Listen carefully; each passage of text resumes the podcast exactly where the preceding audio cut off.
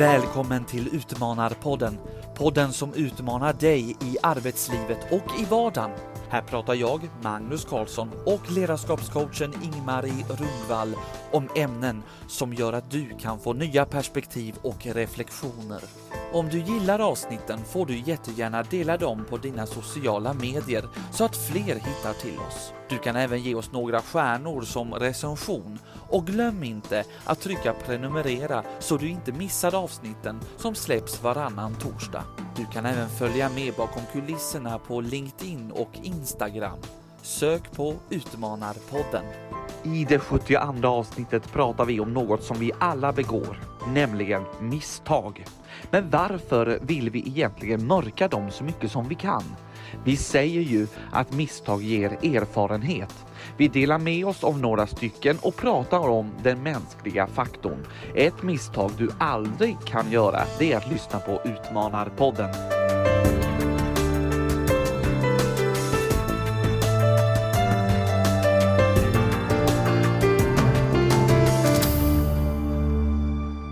Och då var det dags igen Ingmarie för att eh, podda och reflektera över någonting som ja, vi alla har gjort någon gång och gör hela tiden. Eller hur? Vi gör absolut det. Det knepiga är att vi inte pratar så mycket om det. Ja. Eh, Det händer väldigt ofta. Ibland händer det nästan varenda dag och ändå så berättar vi inte det. Eh, Vi berättar knappt det eh, för de vi bor ihop med. Det kanske vi ändå gör, men vi berättar inte alltid det för de vi jobbar ihop med. Men det kanske vi ändå gör. Men vi berättar inte det för chefen. Nej, det gör vi inte. Man vill ju ändå framstå som en felfri person kanske. Vi ska alltså prata om misstag. Och det är därför att det ofta kommer upp sådana där tankar, både som jag tycker, och här är ju då alltså ett avsnitt som handlar både om hur man lever det vanliga livet och om ledarskapet och på jobbet. Vi har ju den profileringen här i Utmanarpodden att vi vänder oss till både eh, livets utmaningar, oavsett om det är på jobbet eller hemma, och ledarskapets utmaningar. Och misstag, ja det gör vi ju alla. Så här någonstans är vi ju inne i någonting som alla kan relatera till. Men är det så här liksom att vi ofta pratar om det? Nej, men det är väl lite som jag sa. Alltså man vill eh, framstå som att man att man bara är felfri eller så, för det är också väldigt konstigt. Och sen så tror jag också att eh, man vill inte tänka vad som misstagen innan, vad som kan gå fel. Nej, jätte, det har jag också tänkt på Magnus. Därför att i, på många arbetsplatser nu så skapas det ju, i och med att vår värld blir så komplex, så skapas det manualer, det skapas eh, rutiner, det skapas, eh, så gör vi så här med det och med det och det och då lägger vi in det i den datafilen och så har alla det och så bygger vi in en massa saker eh, där vi skapar rutiner och strukturer. Och så pratar vi rätt öppet om det. Då gör vi så här att kommer detta så går vi in i den filen och råkar du få det först, du som sitter där, då gör du på det sättet. Och så. Men nästan aldrig så pratar man om, men vad gör vi om det blir fel? Vi pratade om det faktiskt i förra avsnittet. Jag håller ju på med, med julshowen ju. Då när vi började det här arbetet, ja vi hade ju med oss lite erfarenhet från förra året, men vi pratade ju inte om eh, om miss, alltså de här, vad som kan gå fel i det här stadiet, vad kan gå fel i det här stadiet, utan man kör liksom på i någon form av raksträcka. Nu är det bara engagemang och glädje och nu jäklar, nu kör vi här allihopa. Och sen så kommer ju de där misstagen och felen kommer ju komma upp längs vägen. Det vet man ju. Men man har inte förberett sig för dem på det sättet. Man har inte pratat om det, har inte lagt in det i en handlingsplan, har inte vi gjort det i alla fall. Nej, och det är ju väldigt intressant, intressant det du säger. För fel och misstag kommer ju ske, det vet man ju. Och, och då är det lite så här att om vi tänker kommunala strukturer eller sjukvårdsrutiner och sådär så står det, mm, är det ju infört hur gör vi med klagomål, hur gör vi med avvikelser? Men det är egentligen ingenting riktigt vi pratar om. Eh, utan vi tänker att det ska gå. Ja, det, vi har ju gjort misstag förr, men det ska vi inte göra igen. Ja. Jo, men det är klart att vi kommer att göra igen ju. Ja. Och så kanske inte man har, man har kanske skrivit in de här sakerna i ett dokument. Så här behandlar vi. Men sen har det dokumentet kommit på, på vift för att man inte, eller så har man glömt bort det för att man har inte behövt göra det. Och så kommer det ett, vi säger ett klagomål. Och man bara, men hur tar vi reda på det här då? Och det, det är väldigt intressant det här, det som vi är inne på. För vi säger ju ändå så här att ja, men misstag, det är mänskligt och det lär man sig på. Ja, men vi måste ju prata om dem då.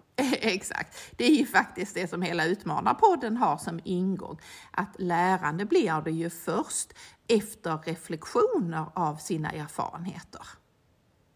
Men innan vi kommer in på det så skulle jag ändå vilja liksom backa tillbaka och fundera på varför pratar vi inte om det? Och då är ju min tanke, är det rädsla? För vi vill inte berätta det för våra kollegor att vi gjorde ett misstag och vi vill inte berätta det för chefen. Och, och vi kanske är, rädda för vad det här kommer att innebära. Eh, vi kanske inte får ansvaret för nästa projekt då. Eller så får vi kanske en lägre löneutveckling. Eller så får vi kanske en utskällning. Och det vill man verkligen mm. inte ha. Man vill inte ha det som barn. Det är nog det värsta kanske. Ja, man vill inte ha det som barn och man vill inte ha det som vuxen. Och, eller så blir man avvisad. Eller så kanske man till och med blir förnedrad inför de andra.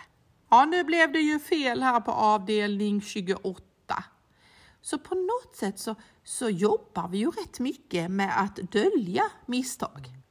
För vi vill ju framstå som eh, kloka och tänkande och positiva och hjälpsamma människor. Vilket också är väldigt intressant eftersom vi vet att som vi inledde den här podden med att alla gör misstag. Vi alla gör fel och, och det är ju mänskligt precis som du säger och ändå så pratar vi inte om det. Det är väldigt det är så motsägelsefullt. Det, jag tycker det är många saker som är motsägelsefulla här. Någonting annat är ju det här att, att vi eh, vi vill.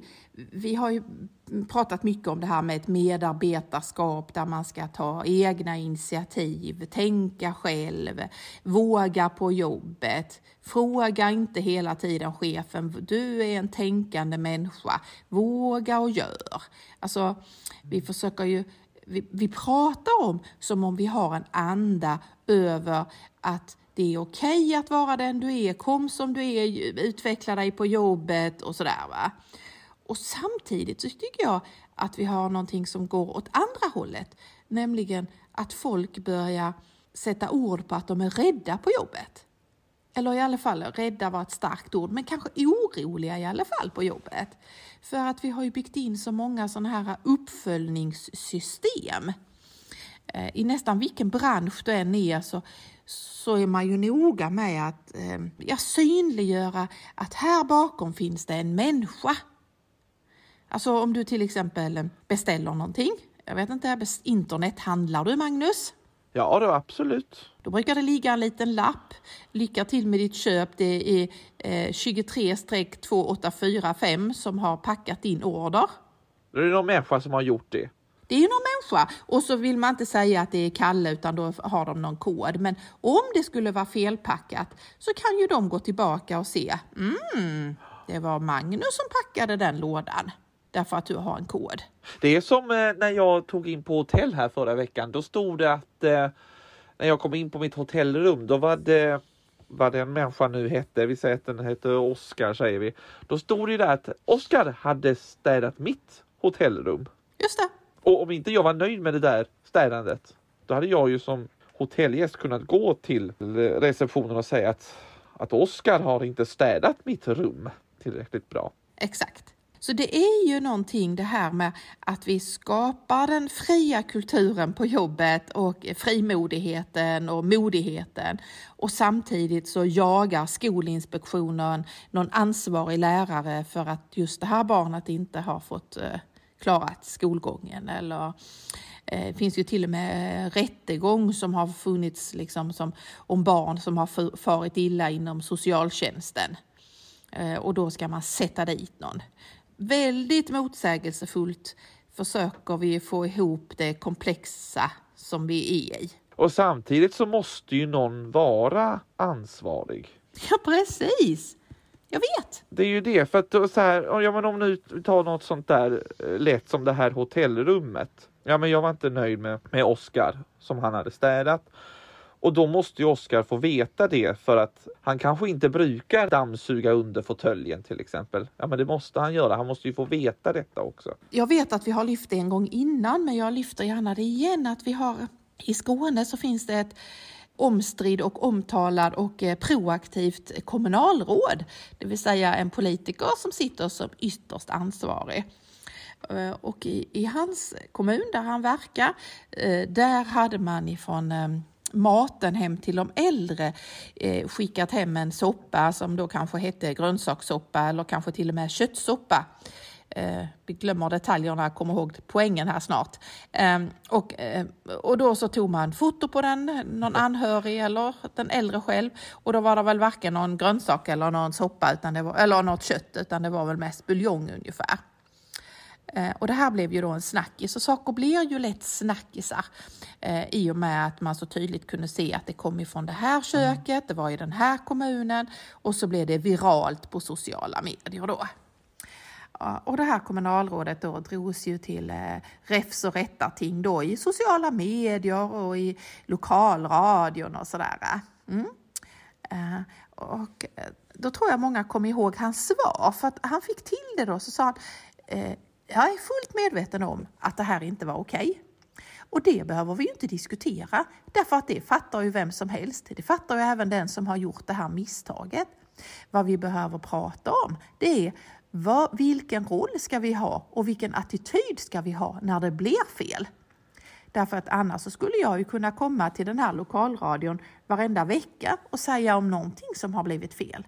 Men vi måste ju skapa en anda att vi kan säga oj, det blev fel och så rättar vi till det. Ja, det var ju till att bemöta det på ett lite annorlunda sätt kan jag tycka. Han kommenterade liksom inte den där soppan och han hängde inte heller ut det där köket som hade gjort en, eh, gjort en fel uppslevning i, i, i, utan sa, men det är inte det som är frågan. Här är frågan, hur gör vi när det sker misstag? För det här är ju ett misstag.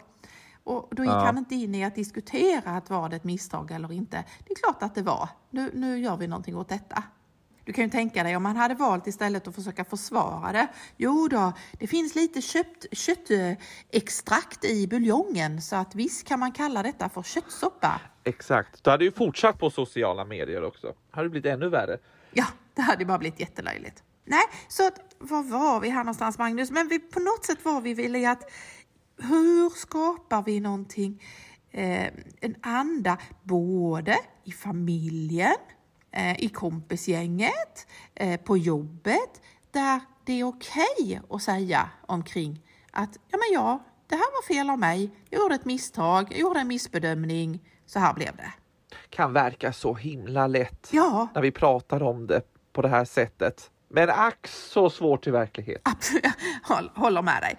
Och, och därför gör vi som vi brukar. Vi får plocka in lite forskning här nu. Ja. För då har man gjort en forskning där man skulle se vad är det då som gör, och den här har några år på nacken, när det var väldigt inne att prata om lärande organisationer.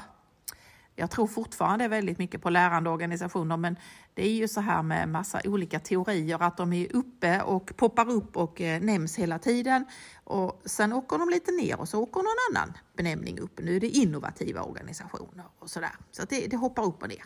Men då, hade, då var det en, en kvinna, hon forskade, och då hade hon någon sorts eh, hypotes som gick ut på att, och det här var ju kopplat till jobbet då, att det bästa arbetslaget, det var de som gjorde minst misstag. Mm.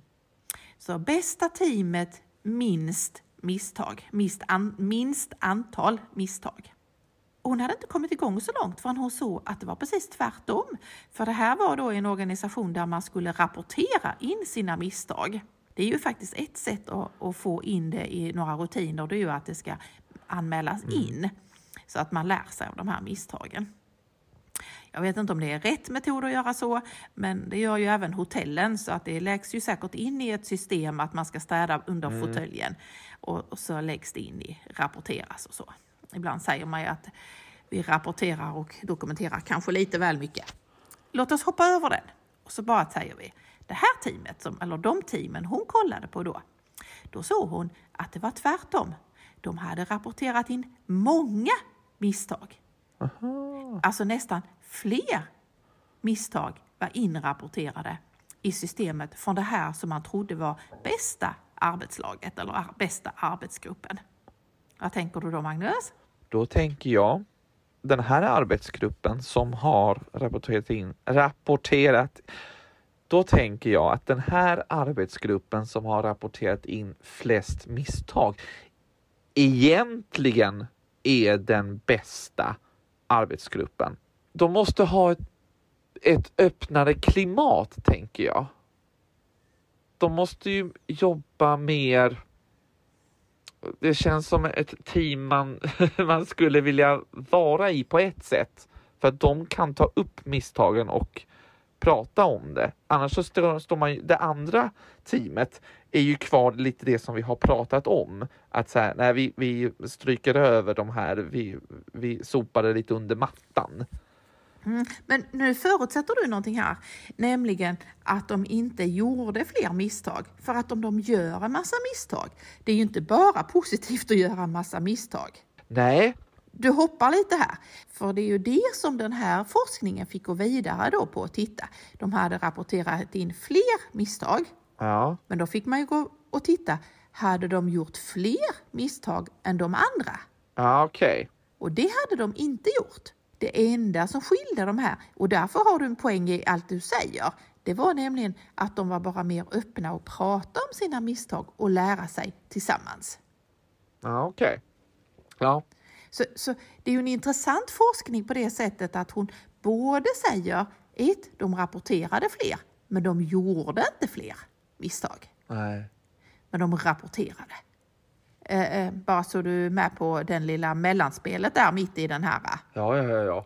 Du vet att jag, jag tycker ju om att hoppas, det har du ju märkt flera gånger. Jag hoppar ju fram några steg. Just det, så du var liksom redan där. Så jag var ju redan där. Du vet att huvudet eh, spinner ju vet du. Ja, ja, ja, men bara så vi var med på det. Ja, det var intressant. Ja. Nej, men så är det ju då. Så det handlar ju att här misstagen sopas inte under mattan utan de används till lärande och förbättringar och för att skapa förutsättningar för nya och lite bättre prestationer. Ja, precis. Men då måste vi ju liksom få fler att göra på det sättet, tänker jag. Ja, Att den här arbetsgruppen då som rapporterade in fler misstag, men faktiskt inte hade gjort fler misstag än den andra hade gjort. De har väl gjort lika många då vad jag förstår den här forskningen. Men att de då hade rapporterat det här, för då har ju de ett mer öppet klimat och de har lyft saker och lyft de här misstagen. när man pratar om det här med att lyfta eh, så påminner det om mycket när vi pratade i förra avsnittet om hur andra gör tolkningar och äger hur jag ska känna eller tycka eller vara. Eh, vi använder ett starkt ord som härskarteknik då, men olika sådana metoder hur andra. Och då slutar vi med att säga, ja men då måste man ju var och en ta ansvar för att lyfta. Ja, det är ju helt rätt, men då måste, varför man då när man ska göra det då, även om det är i familjen eller om man har gjort sina misstag, så handlar det om att man måste sätta dem i proportioner till vad är det som vi ska, vad är det vi har gjort vad, och vad, vad är det vi ska göra och hur stort blir mitt misstag i förhållande till det? För att det är ju väldigt få misstag som är riktigt allvarliga om vi ser det på lite perspektiv. Men just här och då så kan det ju kännas som ett jättemisstag att jag kom för sent. Eller att jag glömde att handla mjölken och att det inte blev pannkakor till kvällsmat. Eller så. Men det är ju inte något stort misstag om vi pratar om det utifrån ett större perspektiv. Och det där tror jag skulle kunna hjälpa oss att få lite proportioner på det. Man kan lära sig om man har glömt att handla mjölk och man kan skapa nya rutiner och en sån här digital inköpslista på sin varuhandel och alltihopa. Det förstår jag. Man kan också ju bli mer fromodig och faktiskt lite skratta åt det. att det blev inte de där pannkakorna. Vi får hitta på någonting annat till kvällsmat idag. Ja men såklart. Men för det finns ju liksom olika typer av misstag, stora som små. Ja, men och det, det måste vi kanske säga direkt. Det är klart att det finns. För det finns ju sådana här misstag som är riktigt allvarliga. Man skulle kunna säga det att det är ju sådana här verkligen undvikbara misstag som man verkligen ska bara undvika därför att man vet om så här är det. Eh, mycket av... Så det här kommer att ske om vi inte gör på det här sättet? Eller det här kommer att ske om vi gör om vi struntar i någonting eller så. Och det är ju där det finns rek rekommenderade rutiner men, och till och med både lagstiftning och förordningar. Alltså är du byggare och ska jobba på en byggarbetsplats så finns det utrustningskrav och lina du ska ha när du är högt uppe eller sådär liksom. Och, och om inte så är det alldeles för allvarligt misstag om du inte har det, de som kan hända. Eh, det är ju precis likadant i vården. Det är ju väldiga manualer omkring hur saker och ting ska vara. Och det är ju en sorts misslyckande eller misstag. Sen finns det ju sådana som, som faktiskt sker därför att det sker yttre påverkan som vi inte kan göra någonting åt. Eh, eller som i alla fall ställer till det som gör att det blir ett misstag jag säger ju ofta och jag tror mycket på det här att vi har skapat ett, jag tror, jag vet inte om jag tror på det, men jag har en teori som jag tror på, att vi har skapat eh, väldigt komplexa system. Vi, vi, vi, vi, har byggt någonting, att det hänger ihop med det och det hänger ihop med det och det hänger ihop med det och sen ska det komma en del ifrån Kina som ska bygga på detta och då måste det byggas på det och sen ska det gå till utsändning där. Alltså vi, vi bygger väldigt komplexa system. Och, och det där finns det ju massor med människor som sitter och då bygger upp hur ska vi få hela detta flödet i komplexiteten till att funka. Och då kan det ju ske en pandemi. Eller så sker det ett elavbrott eller så händer någonting med vädret i Kina. Och, och då, blir det, då blir det svårt och då kan det ju ske misstag som man kan säga. Det här var ett, ett, ett resultat av att vi har väldigt komplexa system. Det har vi ju sett mycket av de senaste åren. Mycket. Men, men det vanligaste och som vi kanske mest pratar idag när vi pratar misstag, det är ju de här som vi skulle kunna, jag vet inte om vi ska kalla dem intellektuella misstag. Eh, det vill säga att vi tänker någonting eller vi gör någonting utifrån att vi har tänkt en tanke. Så antingen bara tänker vi den eller så tänker vi den och så gör vi det och så blir det fel. Där vi liksom gör de överväganden då, de kallar jag då liksom typ intellektuella misstag. Och de där de kan vi både lära oss av och förbättra. Och vem vet, vi kanske borde göra fler sådana. Ja, för jag tänker, här kommer lite den här mänskliga faktorn in i detta också. Absolut, den är ju där. Därför att det är ju människa som tänker. Den är ju här i detta avsnitt, eller i denna delen, ja, helt klart. För det finns ju sådana gånger som man tänker att okej, okay, det där borde jag inte göra. Och så gör jag det i alla fall och så blir det fel. Och, och då, då, kan man ju bli väldigt liksom, frustrerad på sig själv. Att man inte går på det här, vad ska man säga, magkänslan i att okej, okay, okay, jag visste ju att det skulle kunna hända det här. Men jag, äh, jag testar det här och så blir det fel. Det blir det resultatet som jag tänkte skulle bli. Absolut.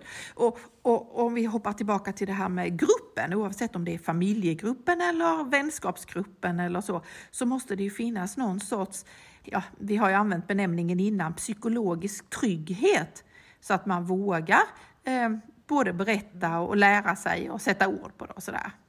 Men kan vi inte göra så här Magnus nu, att nu säger vi ju att man måste våga sätta ord på det och man ska bidra med sina misstag och så, så då får vi väl göra det då då? Ja, ja, ja, ja. Så, men självklart, så vi ska ju vara öppenhjärtliga i, det, eh, i denna podd så här, det poppar ju alltid upp saker när vi pratar och då har jag ju en, en situation. Får jag dra den då? Ska du börja? Ja men vad här, då börjar jag. ja, men det här är på en eh, gammal arbetsplats som jag var på. Det var olika, det var en koncern så här. Jag tar ju tillbaka till detta och då var det olika affärsområden och varje affärsområde i den här koncernen hade då en, en hemsida Sådär. För det hade köpts upp eh, olika företag och så. Ja. Och den här hemsidan då som ligger då på ett, nu ska vi bli lite tekniska, ligger då på ett webbhotell Och det är för att man måste eh, kunna visa den här för att du ska som besökare på internet, du ska kunna få upp den här hemsidan. Då ligger alla hemsidor på ett webbhotell. Mm. Och det här webbhotellet eh, ligger ute, jag tror att det var, en, det var en väldig härva var det här webbhotellet låg, men det, till slut så kom vi fram till att det låg i Montenegro tror jag. Och vi skulle ta hem det här till Sverige och till liksom koncernens egna webbhotell som alla hade nästan. Väldigt mycket jobb i det här, så jag och en annan eh, gjorde liksom vad vi tyckte all research och så. Och sen så var det lite så här i semestertider och så där, var mitt i sommaren.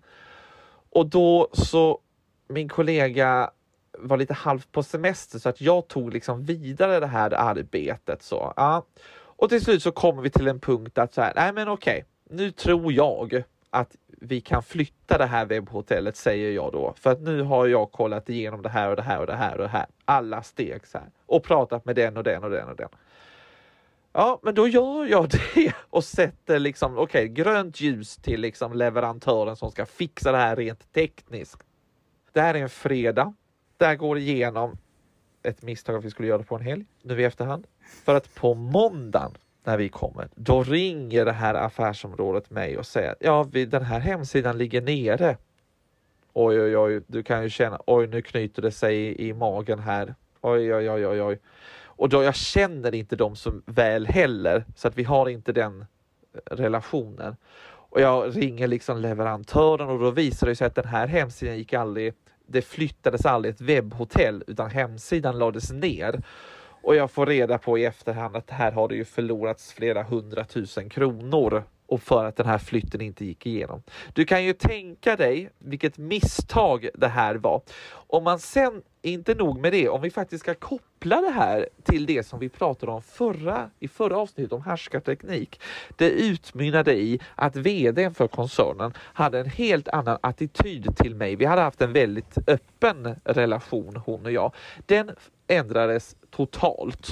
Eh, så att det var väldigt svårt att nå fram till henne och vi hade inte alls den relationen eh, med varandra ungefär ett halvår eh, efter det. Det vill säga att hon använde en metod att eh, lite utesluta dig, att lite inte synliggöra dig. Exakt så. Nu ska jag också sägas att min närmsta chef var väldigt bra i detta och eh, vi pratade om detta misstaget och vi försökte sen då lösa det tillsammans.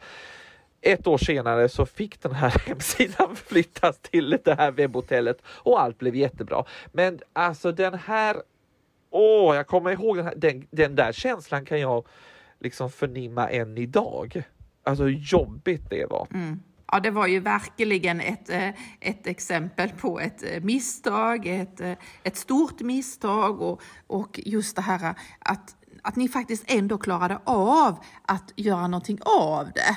Eh, och det kanske var ja. på grund av den här nära chefen som hjälpte dig för att vad man behöver göra är ju inte att lägga allt fokus på felet utan på det samtalet som ni har efteråt och vad är det som gjorde att ni kunde vända det här perspektivet. Där någonstans finns ju någonting som är så gott och som man bär med sig både som människa men också blir en bättre och bättre liksom, familj eller bättre och bättre företag liksom, hela tiden. Genom att man vågar vända på perspektivet där. För det var ju många vändor där, men dels så här så pratade jag och min närmsta chef då, vi hade ju mer liksom en verkligen en öppen eh, relation på det sättet att så här, okej, okay, nu har vi ett problem. Vi måste lösa det okej, okay, du kollar det här, jag kollar det här. Där, där, där, där. Men sen hade vi också ett samtal där okej, okay, men du, vi skulle ha, du skulle ha gjort så här på det här sättet istället eller du skulle kommit till mig om det här och nästa gång det här sker så gör på det här sättet istället för då tror jag att det blir eh, lättare. Så att vi hade, det var många olika parametrar i det här. Och jag kan också säga så här, hon min närmsta chef, det är mycket som jag i min roll verkligen inspirerat mig till att eh, göra olika saker. Ja, just det. Och, och, hon blev ännu mer en inspirationskälla till dig när hon faktiskt klarade av att eh, se ett misstag och sätta ord på det och hjälpa dig att komma vidare av detta. Exakt. Så det var mitt misstag. Man behöver inte göra så att ett affärsområde förlorar 100 000 kronor eh, gånger fem kanske. Vad har du för misstag att eh, dela med dig av? Ja, nu tog du ett långt, så jag tar ett lite kortare tror jag, eh, och mer på en generell nivå. Jag tror ju att en, mm, många av mina misstag är ju kopplade till människor.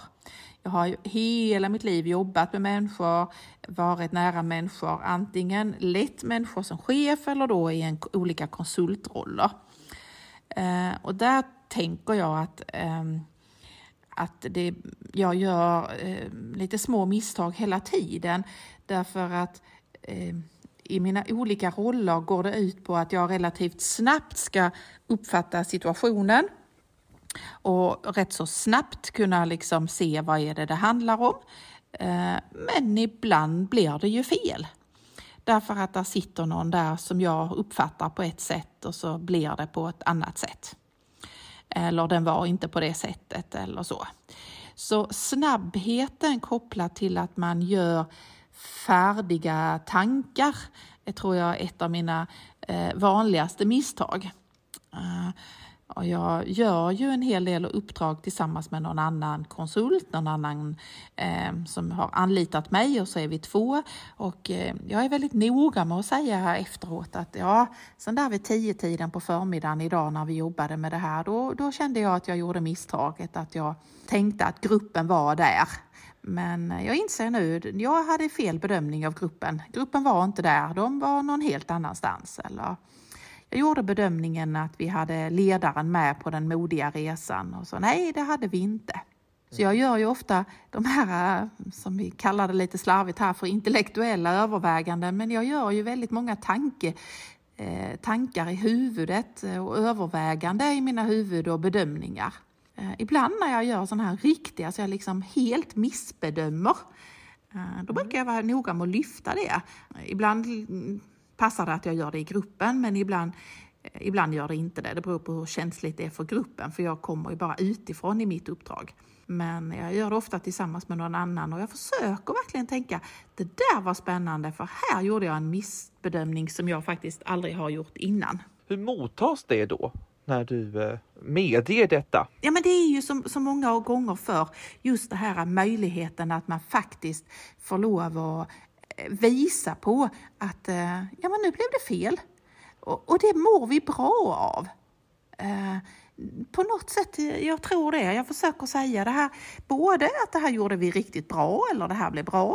Vi har ju pratat mycket om feedback och feed forward och sådär och här är jag någonstans inne på liksom att, att våga sätta ord på saker. Och jag tror att jag eh, har tagit lite som ett mission i mitt liv att, att våga säga det här blev bra, nej men det här blev inte så bra, och ska vi inte prata om detta? Jag tror ju mycket på möjligheten att ha dialog om saker och vända på perspektiven. Vad gick snabbt? Vad, vad gick snett? Vad kan vi göra? Och sådär. Det ger ofta en god känsla efteråt.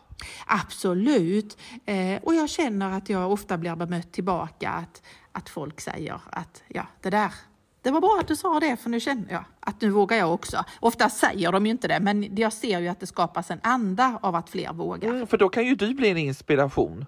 Magnus, som vanligt, långa avsnitt och idag börjar det liksom med att vi bara funderar över vad är det som gör att vi tar det under mattan istället för att lyfta det. Så jag hoppas att vi har delat med oss av, ja, att det händer fel det tillhör det mänskliga. Det är därför vi är människor. Och att det händer rätt, det är för att vi har vågat vända felen till något rätt. Så tack Magnus för att du har delat med dig. Lycka till till alla lyssnare att lite modigt sätta ord på faktiskt även det som inte gick kanon. Och det finns ett citat som utmanar dig och mig varenda dag. Den som inte har gjort misstag, den har inte gjort något.